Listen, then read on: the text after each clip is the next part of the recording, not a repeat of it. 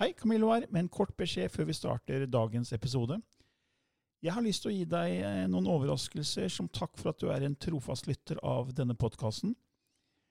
For å finne ut mer, gå til camilloloken.no skråstrek gratis. camilloloken.no skråstrek gratis. Say hello to a new era of mental health care.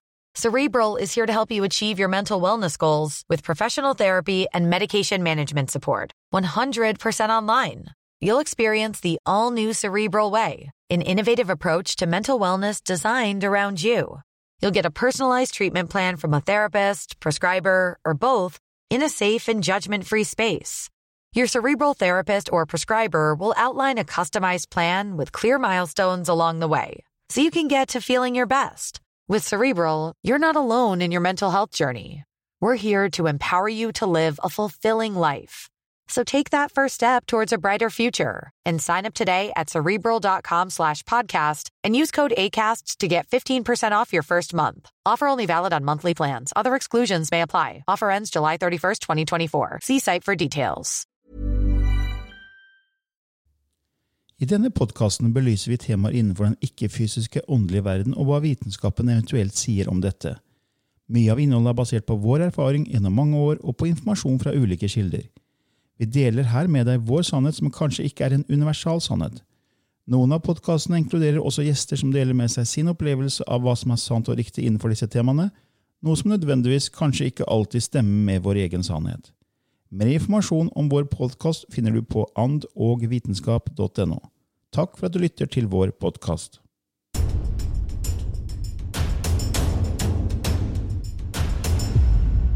Hei og velkommen til sommerepisode nummer tre av fire i Ånd og vitenskap med undertegnede Camillo Løken. Hvis du har lyttet til de tre siste episodene i Ånd og vitenskap, så vet du at eh, jeg lager egne sommerepisoder nå i juli, altså hver torsdag i juli. Og uh, dette fordi vi i fjor tok ferie i juli, og da var det mange lyttere som syntes det var litt trist å vente såpass lenge før det kom en ny episode i Ånd og vitenskap. Og siden Lilly skal ha ferie, eller har ferie nå i juli, så tenkte jeg som så at ok, det er vel kanskje bedre at jeg lager egne episoder, så det er noe vi legger ut, eh, istedenfor at det ikke er noen ting. Så derfor bestemte jeg meg for å lage egne sommerepisoder der jeg svarer på spørsmål fra lytterne. Og det har kommet mange spørsmål inn. Jeg sa jo det at hvis du sender inn spørsmål i, i, forbindelse med disse sommerepisodene, så vil du helt sikkert få svar. Og det er ikke sikkert jeg kan love å holde det løftet, fordi det har kommet veldig mange spørsmål. Så er det ikke sikkert at jeg da rekker å svare på alle disse spørsmålene som har kommet inn nå i disse fire sommerepisodene. Vi har allerede gått gjennom to eh, sommerepisoder, eller jeg har laget to episoder, og dette er den tredje. Og jeg tar som vanlig imot spørsmålene og svarer på de så godt jeg kan etter beste evne. Og da kom det et spørsmål her fra Ingvild, som sier hei, Camille, og takk for at du lager sommerepisoder. Deres podkast er et høydepunkt i uka, og jeg gleder meg til hver torsdag. Jeg lurer på om Lilly har fortalt deg hvordan hun første gang møtte sine hjelpere guider, og hvordan du opplever å snakke med dem gjennom Lilly. Ja, det er jo noe vi har vært innom før, hvordan Lilly og jeg møttes, og hvordan jeg har deltatt i kanaliseringer med Lilly, hvor hun går i transe, og jeg da rett og slett snakker direkte med hennes hjelpereguider. Og det er en veldig spennende opplevelse. Som jeg sikkert har fortalt før, så møtte jeg Lilly eh, i 2009. Jeg hadde satt og så på Kanal 5 på programmet Fra den andre siden, og der var bl.a. Marianne Behn programleder sammen med noen andre programledere, og, og da var Lilly gjest i studio. Og jeg husker jeg første gang så på det programmet og så Lilly der, så, så fikk jeg en veldig spesiell følelse at jeg må kontakte henne. Kanskje hun kan forklare hvorfor jeg som da jobbet i, i en av verdens største farmasøytiske selskap og var ateist og hadde ikke liten tro på noen ting, hadde plutselig kall det, våknet og blitt interessert i den ikke-fysiske, spirituelle verden. Eh, hvorfor, hvorfor liksom hadde jeg en sånn en måte, endring, snuoperasjon i livet, og gikk en helt annen retning i livet. Det var, det var noe jeg undra veldig over. Så fikk jeg en veldig sterk følelse av at Lilly kunne gi svar. Så Derfor kontaktet jeg Lilly og fikk en time hos henne fredag 13.11.2009. Og det var egentlig starten på hvordan vi begynte å jobbe sammen. Jeg fikk svar, og hun, opp, hun, hun fikk beskjed fra sine hjelpere at jeg hadde kommet for å hjelpe henne med det som den gangen ble kalt 2012-fenomenet, for da hadde jeg skrevet en 50-siders e-bok om dette fenomenet med 2012 og Maya-kalenderen og alt. Hadde gjort massevis av research og satt sammen da i materialet. Og hun hadde fått beskjed fra sine hjelpere at hun skulle jobbe litt med å fortelle måte, mennesker at uh, dette er en form for symbolsk vekkerklokke. Vi må begynne å forstå at vi alle er én, vi hører sammen, og at vi må våkne fra den dvalen vi er i. Så det ble starten, så vi begynte å holde kurs om 2012-fenomenet, og så foreslo jeg å skrive en bok da, som jeg valgte å kalle Bevissthetsskiftet, og Lilly bidro med sine kanaliseringer. Og dermed måtte jeg da for første gang møte disse hjelperne til Lilly. Og så fortalte hun hvordan hun gjorde det. Hun gikk i transe med å roe ned hjerneaktiviteten, lukke øynene, lange, dype pust, fokusere innover, og så får hun kontakt med sine hjelpere. Og så kunne jeg da bare stille spørsmål. Så det er en veldig spennende prosess, fordi det kommer jo svar som Lilly umulig kan egentlig vite. Og det har jeg spurt om veldig mye eh, forskjellig opp gjennom tiden. Og det har blitt veldig mange kanaliseringer siden vi starta i 2009. Så det er, eh, jeg opplever det som at jeg snakker faktisk med hennes hjelpere. Jeg føler ikke at det er Lillys fantasi som bare liksom gir meg svar. Jeg føler faktisk at det er, er, kontakt med den andre siden. Det er veldig spesielt. En spesiell opplevelse. Eh, jeg er veldig ydmyk, og jeg er på en måte beæret for at jeg får lov til å snakke med hennes hjelpere, som da er, kaller seg The Elders, eller De eldre. Og Lilly har jo skrevet om sitt møte med de første gang, hvordan hun da kom i kontakt med disse hjelperne. Så jeg tenkte bare lese et lite utdrag av vår første bok, 'Bevissthetsskiftet', der hun faktisk sier det. Og noen av lytterne har sikkert uh, lest 'Bevissthetsskiftet' og kjenner til den historien, mens andre ikke har det. Men uansett, jeg tenkte bare å lese opp det, for det er en, en fin historie. Så jeg skal bare finne fram her nå dette utdraget, hvor Lilly sier La oss gå tilbake til 1992. Jeg var på det tidspunkt en undrende mottaker av poetiske ord. De kom i diktform og var ikke vanskelig å forholde seg til. Jeg følte meg trygg og beskyttet og ikke minst beæret den gang. For en fantastisk gave å kunne formidle dette til menneskene rundt meg, tenkte jeg. I denne tiden var det at jeg også i søvne mottok informasjon, profetiske drømmer som jeg kunne få forståelse for, for først mange år etterpå. Den ene drømmen skal jeg beskrive her. Jeg står alene, solen steker, og det er ulidelig varmt. Hvor er jeg? Jeg snur meg rundt og tar inn omgivelsene. Det er benker av stein, mange. De går rundt og former en halvsirkel. Amfiteater. Ordet kommer klart og tydelig. Jeg står midt i en halvsirkel og ser en opphøyd scene foran meg, bak en liten fjellformasjon. Så rart. Hva gjør jeg her? Stillheten er øredøvende. Det er ingen lyd, ingen bevegelse.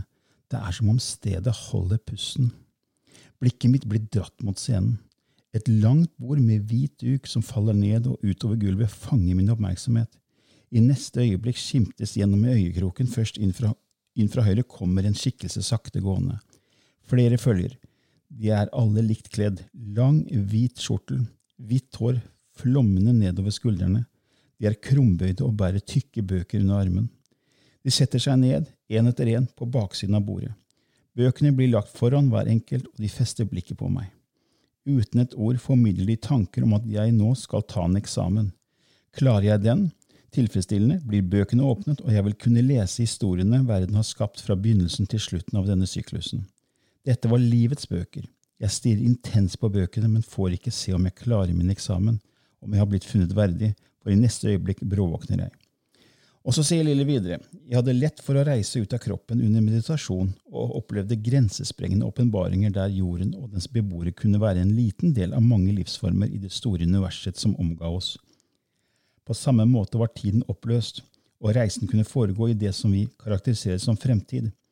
Den ettermiddagen kjenner jeg at jeg langsomt beveger meg utover og fremover. Jeg svever vektløst rundt i det store tomrommet hvor stjernene farer forbi. Scenen skifter. Og så fortsetter hun. Jeg kom til en åpen plass hvor en totalt annerledes bygning dukker opp. Den var av ren krystall, formet som en enorm obelix, og den var ruvende over meg. Jeg blir ført inn i sentrum av obeliksen og setter meg på den ene stolen som finnes der. Jeg lukker øynene, og idet jeg åpner dem, står det der en halvsirkel rundt meg, de gamle. Det er ingen bøker der, men direkte implantering av visdom. Jeg kjenner en elektrisk vibrering i hodet bak venstre øre og forstår at mine telepatiske kommunikasjonssenter blir aktivert. Det vil bli lettere for meg å oppnå kontakt. Det var ingen protest i meg, eller redsel, for jeg hadde på den tiden hørt om implantater og kontroll over egen vilje. Dette er min sjelskontrakt, for jeg kom til jorden som Lilly. De gamle presenterer seg som The Council of Elders, de eldres råd. Det var jo hennes da møte med, med, sine hjelpere, og siden har de vært med henne. Og det er veldig ofte de som kommer gjennom når hun kanaliserer, også i denne podkasten. Noen ganger så har jo de kommet gjennom før hun skal kanalisere lysspråket, for vi har jo mer lysspråk på slutten av hver eneste episode. Men noen ganger så er de temaene vi tar opp, såpass jeg vet ikke, viktige, kanskje, eh, at eh, de elders, eller hennes hjelpere, the, Council of Elders, de eldres råd, kommer gjennom, og da kan ikke Lilly stoppe det. Da må hun bare kanalisere det som kommer. Og det har skjedd flere ganger. Så det var litt om hvordan jeg møtte Lilly, hvordan jeg opplever å snakke med hennes hjelpere der til deg, Ingvild. Håper det var en grei liten beskrivelse. Og da går jeg videre til neste spørsmål, og det er fra skal vi se her nå, det er fra Erin, som sier kan hunder se spøkelser, guider og hjelpere? Det er et interessant spørsmål som jeg ikke jeg tror vi har vært inne på før. Eh, kan mulig at vi har nevnt i en eller annen temaepisode, men jeg kan ikke huske at vi har fått det spørsmålet før. Og, og det er sikkert mange andre som lurer på det samme. Så eh, det som jeg vet, da, er at eh, de gamle Tarsak- og Astex-stammene i Mexico de trodde jo at hunder kunne se og beskytte dem mot spøkelser. Og disse kulturene de begravde jo da sine døde med hunder. Fordi de regnet med at de skulle da beskytte sjelen i etterlivet og guide dem gjennom underverden. Og også da beskytte dem mot spøkelser. De mente at, eh, også at det, liksom disse hundene, eller sjelen til disse hundene ville finne ubegravde kropper og lede menneskesjelene til livet etter døden. Og derfor, ville, derfor Der kunne ikke de bli hjemsøkt uh, av de levende. Og Mayaene trodde også på disse sjelshundene som de så i underverdenen. De trodde at eh, hunden da kunne hjelpe dem til å navigere til paradis. Så det går igjen i mange kulturer at måte, hunden kan se og beskytte menneskesjelen mot spøkelser. Og det er jo sånn at eh, Hunder har jo helt annen hørsel enn vi mennesker, så de plukker jo opp eh, frekvenser som er mye høyere og lavere enn det vi klarer å, å plukke opp med vår menneskehjerne. Og Man ser også i filmer som på en måte kanskje da tar opp paranormale fenomener, så ser man at hunder og dyr generelt, og katter også, reagerer før mennesker reagerer. Og det gjør de også på, på uvær og andre ting, som de plukker opp lyder mye, mye bedre enn oss mennesker. Og vi spøkelser vibrerer på en annen frekvens som vi har snakka mye om, enn vår fysiske verden. Ja, så vil det være naturlig at hundene kanskje har tilgang til de frekvensene, og da plukke opp det hvis det er et spøkelse i, i, i nærværet. ikke sant? Så så for meg så virker det egentlig naturlig at de gjør det. da. Og jeg vet også at flere medium sier at hunder kan se og høre spøkelser. Så, det, så for meg så virker det også helt naturlig at eh, ja, hunder har eh, på en måte andre sans enn oss mennesker, mye sterkere hørselssans, og kan plukke da opp eventuelt, hvis det skulle være paranormale, paranormale tilstander i et sted, som f.eks. spøkelser. Så, det, så, for meg så er svaret ja, Erin. Jeg tror også Lilly er enig i det. At hun har helt sikker erfaring med det. At hun har opplevd at eh, hun har vært på åndenes makt, og at hun har merka at hunder har plukka opp, eller katter har plukka opp, eh, at det er aktivitet i, i, huset der hun har prøvd å rense. Ok, det var litt om spøkelser og hunder. Og da går vi videre til neste spørsmål, som er fra Jeanette som sier mange tror på en gud som skapte universet. Men hvem skapte da Gud, og hvem skapte da skaperen av Gud? Ja, det, ja, det er et veldig godt spørsmål, fordi det har jo egentlig vært innom når jeg har snakka om The Big Bang. fordi liksom, Hvordan kunne The Big Bang komme ut av ingenting? Eh, hvis Gud skapte alt, hvem skapte da Gud? Og, og hvis det var en skikkelse eller et, et vesen som skapte Gud, hvem skapte det vesenet? Og sånn kan man bare fortsette i det uendelige. fordi det som ligger til grunn for en opprinnelse, vil i seg selv kreve sin egen opprinnelse. Altså er, du vil aldri finne en logisk start på noen ting, fordi logikken vil hele tiden kreve eh, en opprinnelse av det som er starten på noe. Så, Og det, Derfor syns jeg det er så merkelig at så mange bare godtar Big Bang-teorien. fordi det henger jo egentlig ikke på greip at uh, det plutselig bare skulle oppstå eh, eh, Big Bang ut av ingenting. For hva var, før, hva var før det Big Bang? Hva var før Gud? Vi, har Gud alltid eksistert? Ja, det er jo det som er det store spørsmålet. Da, at uh, Antageligvis så er skapelsen magisk og ikke logisk, fordi logikken vil ta oss til et visst sted, men den klarer ikke å finne starten på skapelsen, fordi du vil alltid kreve at det var noe før den som skapte starten.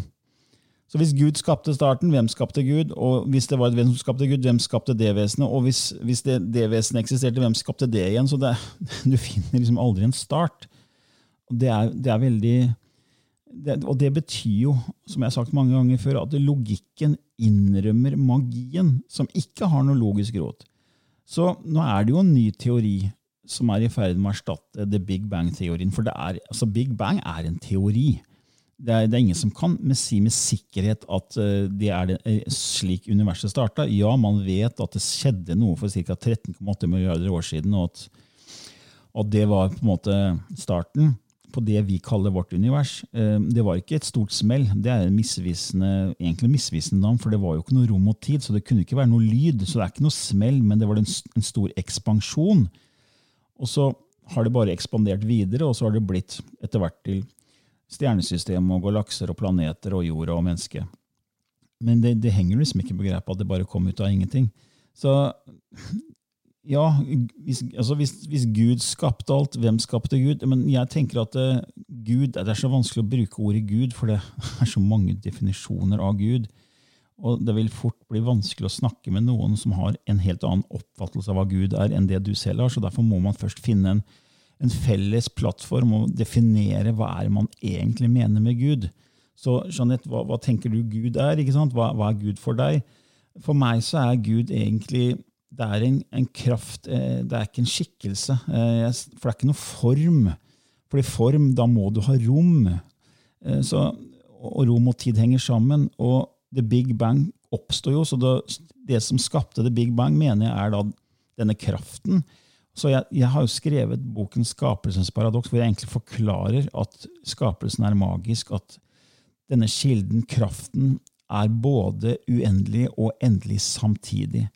Og hvis du ser på ordet eh, og, da endelig og uendelig, og samtidig også synlig og usynlig. fordi alt det vi ser, er jo det synlige, den synlige skapelsen. Men så har jo NASA gjort undersøkelser, som jeg nevnte jeg tror jeg nevnte det i forrige episode, eller forrige der igjen, at um, de gjorde et kjempestort studie fra 2001 til 2012 hvor de skulle kartlegge det kjente universet, altså det, det man kan se, og hvor mye av det var da fysisk, altså laget av atomer, atomisk. Og så ender det opp med at bare 4,6% av det vi kaller det kjente univers, er atomisk, altså består av atomer, er materie. Resten, 95,4% er usynlig. Det er ikke laget av atomer, det er, det er, noe annet. Og Forskerne har jo ikke peiling på hva det er, og derfor kaller de det for mørk materie og mørk energi, men de vet ikke hva det er. Og De har forska på dette, og de har ikke peiling. Uh, ingen kan svare på hva det er. Bortsett fra de som kanaliserer, sånn som Kryon, som jeg har nevnt før. Han sier jo at det er uh, bevissthet. Eh, så, så, hvis bevissthet er det som gjennomsyrer egentlig universet, så snakker vi om en kosmisk bevissthet. Så noen vil jo si at ja, det er Gud. Eh, ja, jeg tenker en kraft, det er en kosmisk bevissthet, en universal bevissthet. Men den eksisterer jo i rom og tid. Eh, men det må jo ha vært noe som har eksistert før det Big Bang. Så i Skapelsens paradoks så forklarer dette her i detalj at det, det, det alltid har vært noe som har eksistert. Kall det Gud, kilden, kraften, hva du vil har eksist, det har eksistert, men det har ikke vært ha evnen til å erfare seg selv, for det har ikke vært noe rom og tid. For du er nødt til å ha rom og tid for å kunne erfare deg selv. Jeg, bevissthet er et resultat av rom og tid. Hvis, nå sitter du og lytter til denne podkasten, og du hører meg snakke. Så du føler jo at jeg er utenfor ditt punkt av bevissthet. Du føler at jeg er utenfor deg. Ikke sant? Eh, det er som du ser deg selv i speilet. For å se deg selv i speilet så må du ha en viss avstand mellom speilet og deg, så du kan se deg selv. Hvis du og speilet var i ett, så vil du ikke kunne se deg selv. Du vil ikke ha noe mulighet til å observere deg selv, erfare deg selv. Du vil smelte sammen med speilet, og du og speilet var ett. Og det er det kilden er på en måte før the big bang. før rom og tid. Så det er ikke noen måte å reflektere, observere, erfare seg selv. Så du er nødt til å ha rom og tid, og bevissthet trenger det. Fordi det går, Når du hører min stemme og sier å ja, det er Camille som snakker i ånd og vitenskap, det tar noen millisekunder fra du hører stemmen min til hjernen din registrerer og sier å ja, det er Camillo. Ikke sant? Og det krever tid. Og det er også avstand, for du, du, må føle Det må ikke være fysisk avstand, men du må føle at jeg er utenfor ditt punkt av bevissthet. Og dette har jeg sagt mange ganger før, at vi, jeg tror vi mennesker vi er punkter av bevissthet på vegne av kilden. da. Så det er et kosmisk bevissthet, universal bevissthet, som erfarer seg selv gjennom alt som er. Så jeg er ett punkt av bevissthet som denne kilden erfarer seg selv gjennom. og Derfor er det så viktig at vi er unike og uttrykker det vi brenner for, fordi det er et unikt punkt av bevissthet. Hvis vi prøver å være som alle andre, så er det ikke noe unikt lenger med det punktet av bevissthet vi er. Og Derfor er det ikke nødvendig å være copycat, som jeg nevnte i en annen episode. Jeg tror det var, kanskje var i portalen, altså medlemsportalen, hvor jeg snakker om, om Elvis. Elvis var unik. Han hadde sin måte å synge på og, var egentlig unik og ble et ikon. Og så er det mange som prøver å bli Elvis og herme å være Elvis, men da er de jo ikke seg selv lenger. De er ikke sitt unike punkt av bevissthet, så det på en måte blir litt sånn copycats. Så jeg tror denne kraftens kilden ønsker å ha veldig mange punkter av bevissthet for å erfare seg selv gjennom alle mulige måter. Gjennom dyr og insekter og mennesker og alt som er. Så, sånn sett så, så, er det så mange punkter av bevissthet, og totalt så utgjør alle disse punktene denne kilden, denne ene. da. Men, liksom, men før det Big Bang, før rom og tid, så kunne, kunne, ikke den kilden være bevisst. Så den eksisterer akkurat som om, om det, dette kilden sover, og ikke er klar over at det sover. Men samtidig er, det, er, denne kilden våken i, gjennom rom og tid, gjennom vårt univers og antageligvis andre univers. Så den er våken samtidig som den er sovende. Og det i seg selv er et paradoks. At kilden er både drømmende, sovende, kall det, og også våken i ett og samme moment. Og Det er derfor jeg har kalt denne boken min 'Skapelsens paradoks', for det er et paradoks, hele skapelsen. Det er, det er, ikke noe logisk start. Det er, et, det er magi. Det er, det er, det her at det er både bevisst og ubevisst samtidig. Det er som du skulle drømme å være våken samtidig. Ikke sant? Så, så, så, så ja, hvem skapte Gud? Jeg tror alltid det har eksistert. Det er, så utrolig vanskelig for oss mennesker å forholde seg til. At det har alltid vært en, en en kilde, en kraft, som har alltid, alltid eksistert og kommer alltid til å eksistere. Og for at denne ene kilden, kraften, skal kunne erfare seg selv, så må den skape et boble av rom og tid, for det tillater denne kilden å erfare seg selv som aspekter av seg selv. Hvis du er alt som er, så er det ingenting som er utenfor deg selv. Det er helt umulig å erfare deg selv, for du er alt som er. Det er ikke mulig å ha noe speil, noe refleksjon, noe observasjon av seg selv. og Derfor må den late som om den er mange biter av seg selv. For da kan disse bitene være speilene. Så vi er bitte små speil da, for denne kilden. Vi erfarer oss selv, men det er egentlig kilden som erfarer seg selv gjennom hver og en av oss. Så Sånn sett så mener jeg at det er, det er, det er ingen start. Den har alltid eksistert. Og det som er interessant, jeg kommer litt inn på det, at det er en ny teori som er i ferd med å erstatte the Big Bang-teorien. Det er den teorien som heter the Bouncing Universe Theory. At, er, at, universet er et type spretten univers, at det ekspanderer til et visst punkt, og så trekker det seg sammen igjen. Og, og så starter et nytt big bang. Ekspanderer, ekspanderer i milliarder av år, og så trekker det seg sammen igjen. Og det er jo samme som vi puster. Vi puster ut og inn. Vi puster ut, og til slutt så må vi trekke pusten inn. Så det er på en måte en pulsering i universet. Det er kilden som pulserer hele tiden, og den har alltid eksistert. Og det er det også hinduismen snakker om Brahman-gud, som puster inn, ut og inn. De ser på skapelsen på akkurat den måten der. Og den teorien, denne bouncing unity, får nå mer og mer fotfeste blant mange teoretiske fysikere.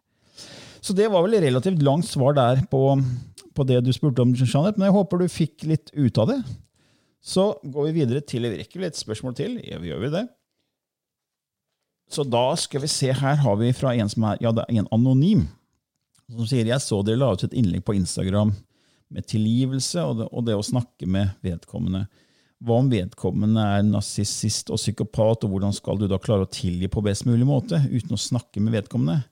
Jeg vet at tilgivelse er viktig, og at det er for en selv man gjør det, men når det er mange spørsmål man ikke får svar på, hvordan skal man da bearbeide et stort sår?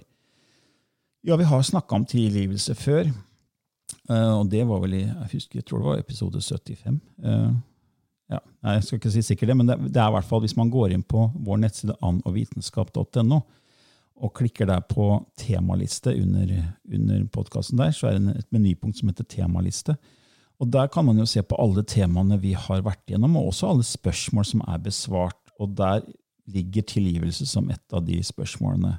Men kan, i og med at dette er en sommerepisode, så kan jeg jo si litt om det før vi avslutter denne, denne episoden. Eh, ja, eh, jeg tror jo vi er her som kall skuespillere på en scene. Som jeg nevnte nettopp, så er vi punkter av bevissthet på vegne av kilden. Så jeg tror vi alle er her for å erfare oss selv gjennom en rolle. Så det, det, vi kaller sjel, er jo egentlig kilden. Eh, vi sier vi har en sjel. Nei, jeg tenker at det er den ene sjelen som splitter seg opp mange små sjeler, og så på en måte bruker de forskjellige kropper for å erfare seg selv, og som til syvende og sist er det den ene. Det er som et gigantisk tre, som jeg har sagt før. Hele treet kan deles opp i greiner og mindre greiner og mindre greiner, og helt ut til hvis det er et furutre, så er det ute i barnålene. Så vi er barnålene som er på en grein, og den greinen er på en større grein, og den er på en enda større grein. Men til syvende og sist er alle greinene og alle barnål tilhører det ene treet. Så hele treet er kilden, kraften, Gud, hva enn du vil kalle det. Og vi er barnålene helt ytterst, som erfarer oss i det fysiske. Og Hvis man ser på det som et skuespill, så vil denne narsissisten eller psykopaten da ha valgt å spille en slik rolle Akkurat som Hitler spilte en skurkerolle, og Brevik spilte en skurkerolle, og Stalin og Mao og alle disse eh, despotene som har regjert verden, de spiller skurkeroller fordi vi lever i en verden av drama og polaritet, og vi har valgt å være en del av dette dramaet og denne polariteten, for den gir opphav til så utrolig mange følelser. Og Det har jeg nevnt mange ganger før. Vi trenger polaritet for å virkelig forstå hva ting er. Vi kan ikke vite hva kaldt vann er, hvis ikke du vet hva varmt vann er. Vann er på samme skala, men du har ytterpunktene helt ekstremt iskaldt vann og helt ekstremt varmt vann. Hvis ikke du visste hva ekstremt varmt var og ekstremt kaldt var, så kunne du ikke måte definere og erfare de ulike gradene av vann. Det ville bare være vann, og du hadde ikke noe måte å liksom Hva er det i forhold til noe annet? Du må ha ytterpunktene for å virkelig få den erfaringen av alle typer følelser, fra frykt til kjærlighet. Så hvis man begynner å tenke i de baner, og tenke at denne psykopaten er bare en rolle, og du er en rolle, så se det som et skuespill. Altså, ikke la det bli personlig, fordi da, da blir du dratt inn i drama. Så fort du tenker at denne personen er slem eller gal, eller altså sårer meg og er liksom, Da, da er, gir du etter for drama. Og Det er derfor jeg sier det er så viktig å zoome ut og ha fugleperspektiv og se på oss selv som skuespiller på en scene. for da da går man ikke så mye inn i drama. Og etter jeg begynte på denne reis, spirituelle reisen min, så har jo jeg føler jeg at jeg har kommet, ut altså kommet lenger opp da, i fugleperspektiv. Og derfor, når du får høyere frekvens, så vil du også tiltrekke deg mennesker på samme frekvens. Og nå treffer jeg flere og flere mennesker som har denne litt sånn avslappa holdningen til drama rundt seg. For det er dramaer på arbeidsplasser og med naboer og i familier og altså, overalt. Men så er det da mennesker som da liksom ikke lar seg påvirke av det, fordi de liksom tar, chiller'n. De bare de slapper av med det. Liksom, fordi at, eh, Hvorfor skal jeg gidde å lage så mye drama ut av ting? Du zoomer ut, og så begynner du å se det som et skuespill. og Det er en teknikk som faktisk hjelper, og det kan jeg skrive under på, fordi jeg har hatt mye drama i mitt liv, og jeg har gitt etter for drama.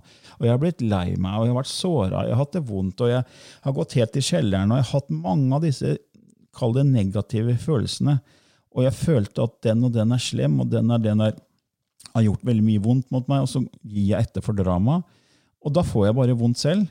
Eh, og så begynner jeg da etter hvert, når jeg da begynte på denne reisen, her, så har jeg begynt å zoome. Så ser jeg, hvis jeg da zoomer ut og sier at ja, det, det, her er en, en, form for test Jeg ser det alltid som test. En slags test. Nå blir jeg testet på hvor flink jeg er til å takle drama. Fordi du har eh, det som kalles loven om vibrasjon. Og Det snakker jeg om i mitt nettkurs, Universets tolv lover. Og Når noe kommer inn i livet ditt som du syns er vanskelig å håndtere, som du kan kalle negativt, så har du et valg. Du kan på en måte forbanne det og liksom gi, gi liksom negativ energi til det. Og da vil du bare egentlig vibrere mer negativt ut, og da vil du få mer av det samme tilbake. Men så fort du begynner å gi slipp og liksom akseptere at det er et skuespill, og da kan tilgi den som gjør, gjør deg vondt, da, så vil den energien endre seg. Da vil du begynne å vibrere på en helt annen måte. For det handler om deg. Alt handler om deg. Det handler ikke om noen andre. De andre er bare kall det aktører når du er på scenen, som bidrar til at du skal gjøre jobben din på scenen. Så har valgt, du har valgt å ha de der for at du skal gjøre rollen din. og Så kan du velge at du kan fortsette å være i rollen og ikke vite at det er en rolle, eller så kan du begynne å skjønne at du spiller en rolle. Og når du begynner å skjønne at du spiller en rolle, så vil ikke det påvirke deg i, i den grad det har gjort, det, gjort, før. Så det er en prosess. Det er ikke noe at du skifter over natta, men det er en prosess, og du begynner faktisk å bli mindre og mindre påvirket av hva andre sier, gjør mot deg. Da. Og når, når du gjør det, så slipper, slipper det negative, for det er du som endrer deg og du endrer dine tanker, dine følelser, og da må universet synkronisere det du egentlig ber om, for det er den måten vi får det vi ber om. Loven om årsak og virkning, loven om tiltrekning, loven om vibrasjon, alle disse lovene jobber sammen, for de er lover i den ikke-fysiske verden som handler om energi, frekvens og vibrasjon. Absolutt alt kan brytes ned til energi, frekvens og vibrasjon. Så vi ber om det vi ønsker gjennom det vi vibrerer, ikke det vi sier. For vi kan si én ting og ønske oss én ting, men hvis ikke det er forankra i følelsen i kroppen, i det underbevisste, så vil du ikke få det du ber om. Du får det du følelsesmessig vibrerer. Det er vibrasjonen din som avgjør hva du får. Og Derfor må det, må det liksom virkelig forankres i deg. Derfor må det bevisste og underbevisste sin jobbe sammen og bli én. For det er da du sender ut et unisont signal til omgivelsene til universet, til kvantefeltet, feltet, og så begynner de å synkronisere, og det er det forskning på som viser at universet er et selvorganiserende system, og så kommer det tilbake til deg, det du ber om. Så når du da klarer å zoome ut, det er da du endrer din frekvens, vibrasjon, og derfor blir det mye enklere da å se på de som gjør kall det negative ting, se på de som skuespillere som er en del av et drama, og, og tilgi de menneskene. Det er det svaret jeg har, og det er det svaret Altså, det, er det, det, er måten jeg selv lever, lever, på. Selvfølgelig, ja, jeg kan gi etter og gå helt til kjelleren, gå ned i offerrollen og synes synd på meg selv, men jeg er veldig rask med å komme tilbake til et høyere nivå, fordi jeg jobber med det her hele tiden. Jeg jobber med meg selv, jeg jobber med å zoome ut, jeg jobber med å se drama. Men det er klart, vi er mennesker, og er veldig, er, jeg forstår veldig godt at det er veldig fort gjort å gjette hvis man bor sammen med en som er psykopat og går helt bananas og er helt urimelig. så Det er klart det er ikke lett å håndtere det, men, men altså, det, er, det, handler om deg. Det er det det egentlig gjør. Det handler om deg, hvordan du kan Når du endrer deg, så endrer livet ditt seg. Det, det er aldri den andre. Så, Når du peker finger på noen, så er det alltid tre fingre som går tilbake på deg selv. ikke sant? Du peker finger, og så er det mange fingre som går tilbake på en selv det handler om hver og en av oss. Det det man, og det, det, er veldig mye ansvar i det. Det er mye ansvar at ok, er det jeg som da har skapt det man kaller negativ selv? Altså, jeg måtte innrømme det overfor meg selv, og det var tøft. ja. Jeg må si Det var tøft å si at jeg har ansvar for det jeg kaller negativt, som kommer inn i livet mitt. Men det er først når jeg tok det ansvaret og begynte å jobbe med det ansvaret, at da det begynte å endre seg, så begynte livet mitt å flyte mer og mer. Og det, jeg har jo ikke så mange sånne store bekymringer lenger som jeg hadde før. fordi jeg, slapper mye mer av, for jeg tror på at vi er skuespilleren på en scene. Og når jeg slapper av, så endrer frekvensen min. Jeg stoler på universet, jeg stoler på prosessen, at det jeg vibrerer ut. Hvis jeg har det bra med meg selv, så er det det som kommer tilbake også. Og det ser jeg, har jeg sett, og jeg har sett andre mennesker også som følger eh, kurset mitt, Universets holdover, de sier det samme. Jeg får tilbakemelding at folk sier at ja, det fungerer. Ja, fordi alt handler om energi, frekvens og vibrasjon. Vi har regler i den fysiske verden. sant? Vi har menneskeskapte regler og lover. Vi må følge disse reglene. Vi har fysiske eh, lover som, eh, eh, som tyngdeloven. Gravitasjon. Vi blir trukket mot jorda. Tyngdeloven det er, det er en fysisk lov, men vi har også ikke-fysiske lover. fordi det er en ikke-fysisk verden som, er, som hele tiden eksisterer parallelt med den fysiske. Og det er regler også i den verden, og de reglene de omhandler frekvens, vibrasjon og, og energi. Og, der, og, vi er jo både abstrakte og konkrete. Vi er fysiske, ikke sant? så vi må forholde oss til de fysiske eh, lovene, som, som tyngdeloven. Men vi er også ikke-fysiske. Vi har abstrakte kvaliteter som tanker, sin bevissthet. Så vi er en del av den ikke-fysiske verden også. Så, og vi vet jo at tanker og følelser er elektromagnetiske energi, og det er energi. Så vi tilhører den ikke-fysiske verden. og Derfor må vi også forholde oss til ikke-fysiske lover. og Derfor er jeg så uh, veldig opptatt av at folk skal forstå disse ikke-fysiske lovene, disse universets tolv lover, som jeg har kalt kurset mitt. Da. Fordi det er, Ingen vet hvor mange lover det er, men hvis du følger disse tolv lovene, så er det mer enn nok til å få et mye bedre liv når du da begynner å følge én og én lov, for da begynner livet ditt å flyte mer og mer. Fordi det handler om å forstå hvordan energi, frekvens og vibrasjon er grunnlaget for egentlig alt. Så det var et langt spar der til eh, den som er anonym, så jeg håper den hører på, og fikk litt ut av det svaret.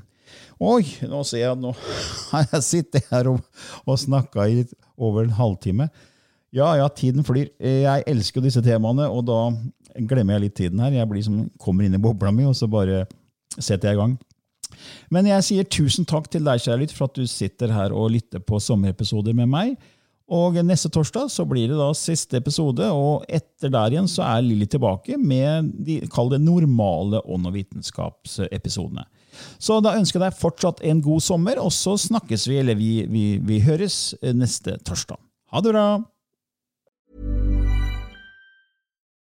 Botox Cosmetic, out of botulinum toxin A, FDA approved for over 20 years. So, talk to your specialist to see if Botox Cosmetic is right for you.